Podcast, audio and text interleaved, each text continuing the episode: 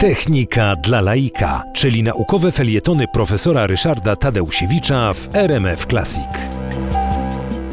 Muzyka, która towarzyszyła filmom niemym, y, była grana na żywo właśnie przez muzyków, którzy no, siedzieli gdzieś tam w pobliżu ekranu.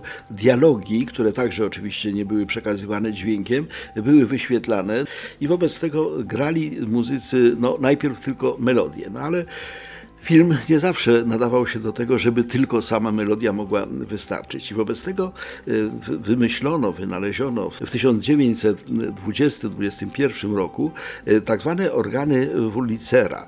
Organy Wurlicera przypominały zwykłe organy, to znaczy miały klawiaturę i y, takie piszczałki jak w zwykłych organach. Wobec tego można było sobie tam grać muzykę organową. Natomiast zabawną rzeczą było to, że niektóre klawisze tych organów wywoływały wywoływały efekty dźwiękowe zupełnie inne niż muzyczne. Na przykład strzały karabinowe można było e, odtwarzać, wycie wiatru można było uzyskiwać, e, śpiew ptaków można było uzyskiwać. Krótko mówiąc, całe tło dźwiękowe, nie tylko muzyczne, e, w tych organach Wurlicera po odpowiednim wykorzystaniu mogły być, mogło być pokazywane.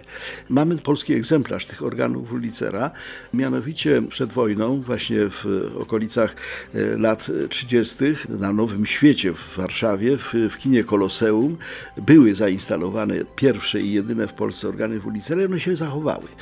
Co prawda przewaliło się wojna, potem powstanie warszawskie, wobec tego one są bardzo zniszczone, ale są w tej chwili remontowane, odtwarzane, być może nawet będą czynne i można je będzie oglądać w Pałacu Kultury i Nauki w Warszawie, w Muzeum Techniki.